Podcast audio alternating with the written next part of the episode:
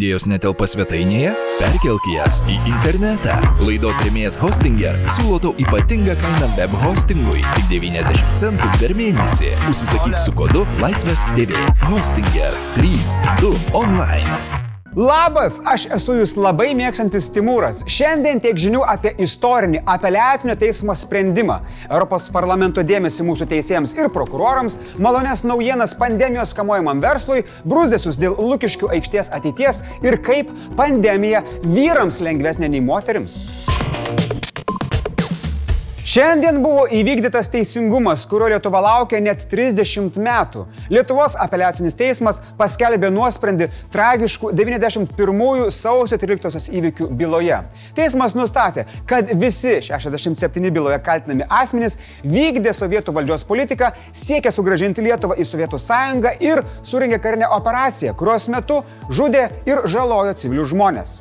Jie puikiai suprato, kad daužydami automatai žmonės, spardydami, šaudydami, šaudydami iš tankų šalia žmonių, jie puikiai suprato, kokie, kokie, tai, kokie veiksmai ir kokie, kokie padariniai bus sukelti žmonėms. Apeliacinis teismas bausmių nesugriežtino tik dviem kaltinamiesiems. Vieninteliam iki šiol suimtam nuteistajam Jurijui Meliui įkalinimo bausmė padidinta nuo 7 iki 10 metų, o šiuo metu Vilniuje gyvenančiam Genadijui Ivanovui už grotų teks praleisti ne ketverius, o penkerius metus. Dešimties metų laisvės atimimo bausmės skirtos 37 nuteistiesiems. Tiesa, dauguma kaltinamųjų dabar yra Rusijoje ir Baltarusijoje, todėl buvo nuteisti už akių, nes minėtos valstybės atsisako jos išduoti. Skelbdamas nuosprendį teisėjas sakė, kad nemaža dalis nuteistųjų galėjo atsisakyti vykdyti įsakymus. Jie turėjo suprasti, jog šie prieštarauja tarptautinės teisės principams ir pažeidžia žmogaus teisės. Buvo žmonių, kurie taip pat turėjo vykdyti įsakymą, bet jie atsisakė įvykdyti. Atsisakė, atsistatydino iš aukštų užimamų pareigų Byloje patenkintas ieškinys ir dėl žalos mūsų valstybei. Priteista beveik 11 milijonų eurų. Žala susidarė gydant nukentėjusiuosius, įrengiant memorialus ir tvarkant sugadintą infrastruktūrą. Būtų keista, jei į tai nesureaguotų Rusija. Rusijos tyrimų komitetas už akių inicijavo baudžiamasias bylas Lietuvos teisėjams dėl esą nepagristo Rusijos piliečių persekiojimo. Bet mes turime galingų už mus stovinčių draugų Europos Sąjungą. Teisingumo eurokomisaras Didie Reikės Reindersas sakė, kad Lietuvos teisėjai yra Europos teisėjai, todėl ši ataka prieš juos yra ataka prieš visą Europos Sąjungą. Tai va dėl to sausio 13-osios byla aktuali ir Europos parlamentui, su kuriuo darbu nuo šiol kartą per savaitę mes padėsime jums susipažinti. Primenu, kad žinios yra maistas smegenims, o smegenis žmogų labiausiai skiria nuo daržovės.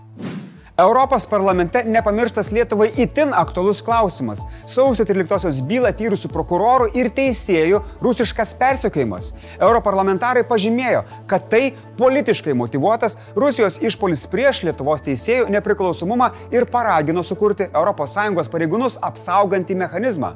Pastebima, kad tai kelia grėsmę ne tik teisėjams, bet ir kertinėms ES vertybėms. Bendrame užsienio reikalų bei piliečių laisvių, teisingumo ir vidaus reikalų komiteto posėdėje europarlamentarai susipažino su bylos aplinkybėmis bei vėliau sekusiais Rusijos veiksmais. Toks dėmesys yra svarus signalas, kad sprendimai prieštaraujantis teisingumo bei demokratinės teisinės valstybės principams nebus toleruojami. Jaunesniems mūsų žiūrovams primenu, kad 91 sausio 13 naktį Sovietų sąjungos kariniams daliniams šturmuojant Vilnius televizijos bokštą bei radio ir televizijos pastatą žuvo 14 žmonių.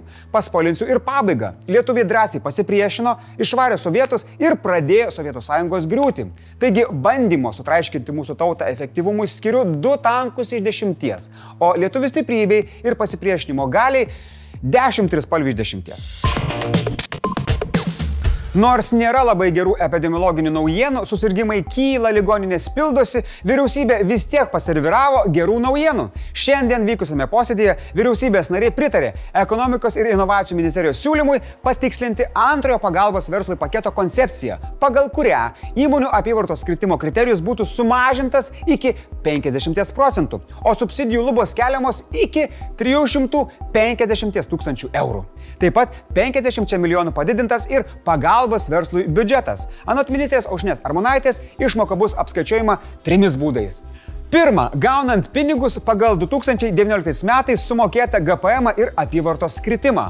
Antra, pasirenkant padengti iki 70 procentų nepadengtų kaštų, bet su jūs stebinčiu auditu. Arba trečia, kreipiantis dėl pastovių kaštų padengimo be audito.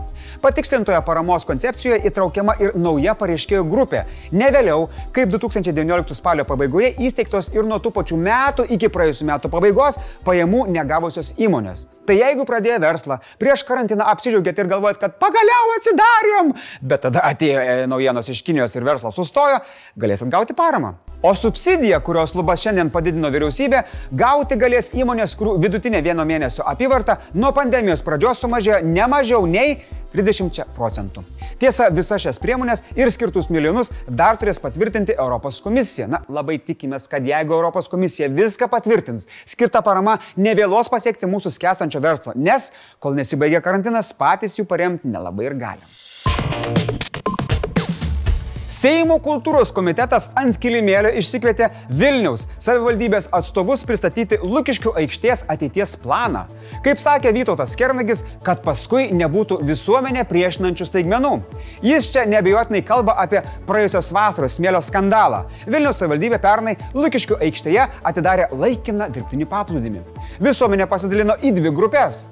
Vieni džiaugiasi Gabrielio pležą per pandemiją, o kiti, tarp jų kai kurie Seimo nariai ir istorikai, piktinosi, kad taip niekinama aikštė, kurioje vyko tragiški įvykiai. Valdantieji taip supyko, kad net priemė specialų įstatymą, kuriuo Lukiškio aikštėje turi būti užtikrinama rimtis ir gera moralė. Ir tokių patyčių, kokias buvo iš tų žmonių, kurie ten yra nužudyti šitoje aikštėje, daugiau nebebus. Per posėdį Petrui Gražuliui labai rūpėjo, kada bus panaikinta tai, kas jau seniai panaikinta ir kada aikštėje išdygs paminklas. Aš irgi norėjau paklausti, nu, kada vis tik tais bus jau tas pležas panaikintas? Tai pležas rudenį, man atrodo, jau buvo panaikintas. Kiek aš žiemą vaikščiau, nebuvo likti. O ko nori patys Vilniečiai? Na, gerai, kad paklausiau, nes jie buvo apklausti. Tos apklausos rezultatai, sakau, iš atminties rodo, kad realiai Vilniečiai yra patenkinti tą aikštės būklę, kokia yra dabar, šiuo metu. Vilniaus mero pavaduotojas kaip vieną iš variantų pasiūlė nunulinti situaciją ir rasti visiems tinkantį sprendimą. Tačiau komiteto vadovas Vytautas Jozapaitis replikavo, kad norint nunulinti, realiai reikėtų pirmą nunulinti valstiečių įstatymą. Taigi dabar turime tokią situaciją. Prieš daugiau nei trejus metus įvykusi konkursą laimėjo skulptoriaus Andriaus Labašausko Laisvės kalbos idėja. Užnugarėje palikusi Vyčio skulptūros autorius. Tačiau yra priimtas įstatymas, nurodantis, kad aikštėje turi stovėti memorialas. Vilniaus vicemeras Tomas Gulbinas sakė, kad aikštėje gali tilpti viskas - keletą funkcinių zonų, memorialinė zona, rekreacinė ir kitos zonos. Sutilps viskas, ko tik reikėtų miestui. Bet Vilniečiai iš vis nieko nenori. Aklai vykdydama įstatymą, Vilnius valdybė iki 24-ųjų siūlo surenkti konkursą ir iki 26-ųjų aikštėje pastatyti Vyti. O tai ką dabar manote jūs? Kalvelė, Vytis ar paliekam kaip dabar viskas yra? Parašykit man komentaruose. Jei manote, kad COVID mus, vyrus ir moteris sulygino ir mums tenka nešti vienodą pandemijos naštą, tai pagalvokit iš naujo. Vyrai, čia mes pagalvokim dar kartą, o moteris ir taip viską žino. Kaip skelbiama Pasaulio ekonomikos forumo ataskaitoje, pandemijos žala lyčių lygybės klausimų buvo didžiulė ir pridėjo keletą papildomų dešimtmečių kovoje dėl moterų ir vyrų lygybės. Moteris dėl pandemijos daug dažniau prarasdavo darbą, o ir vaikų priežiūros našta vaikams nebeinant į mokyklas moteriams tekdavo žymiai didesnė, nes nubobo kaip nesupranti vyrasgi dirba. Vieneri metai mūsų namų ūkiuose moteriams kainavo per per 30 papildomų metų iki lygybės. Dar 2019 gruodį buvo skelbiama, kad lyčių lygybė įtvirtinti kai kuriuose srityse reiks 99,5 metų. Bet Pagyvenus pandemijos sąlygomis, šis laikotarpis prasitęsia iki daugiau kaip 135 metų.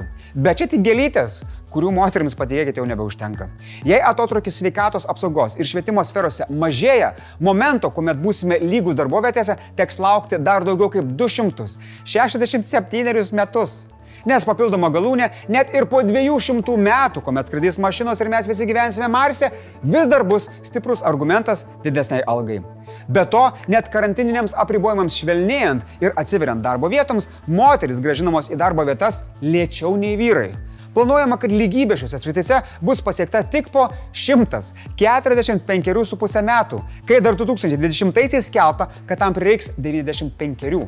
O kaip su Lietuva, klausėt jūs? O ko jūs tikėjotės? Europos lyčių lygybės indekse Lietuva pernai užėmė 22 vietą tarp 28 ES valstybių. Mūsų rodiklis 56,3 iš 100 balų, kai ES vidurkis yra 67,9 balo. Taip sakant, varom ant pitako, bent jau teigiamas, ne?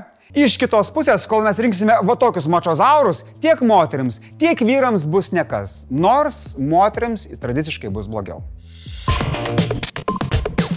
Blitz naujienos. Pandemijos pradžioje stebėjome vaizdus, kaip žmonės nuožmiai kovoja dėl paskutinės tualetinio popieriaus pakuotės.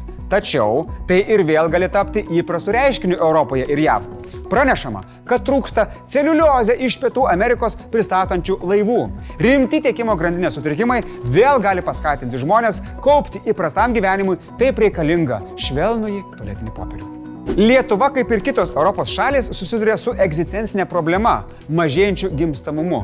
Žmonių uždarimas namuose šios statistikos niekiek nepagerino. Nors statistika kiek liūdinanti, tačiau žmonės Lietuvoje turi kuo didžiuotis. Mūsų šalies gimstamumo rodiklis, nors ir mažiukas, bet yra vienas didžiausių Sąjungoje - tai brolis Jazės pirmin. Šiandien darbą pradeda Baltarusijos komisija, kuris svarstys konstitucijos pataisų siūlymus ir jų įteisinimą.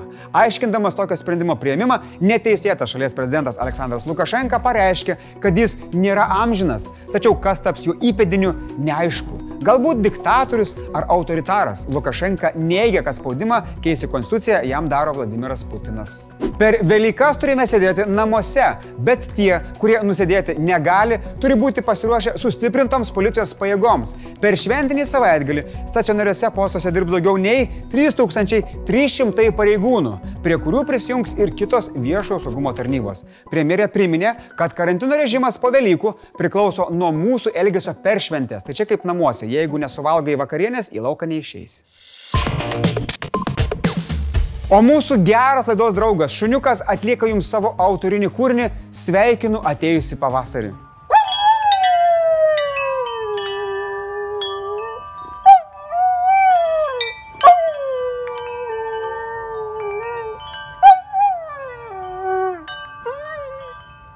Šiandien tiek žinių, iki rytojaus.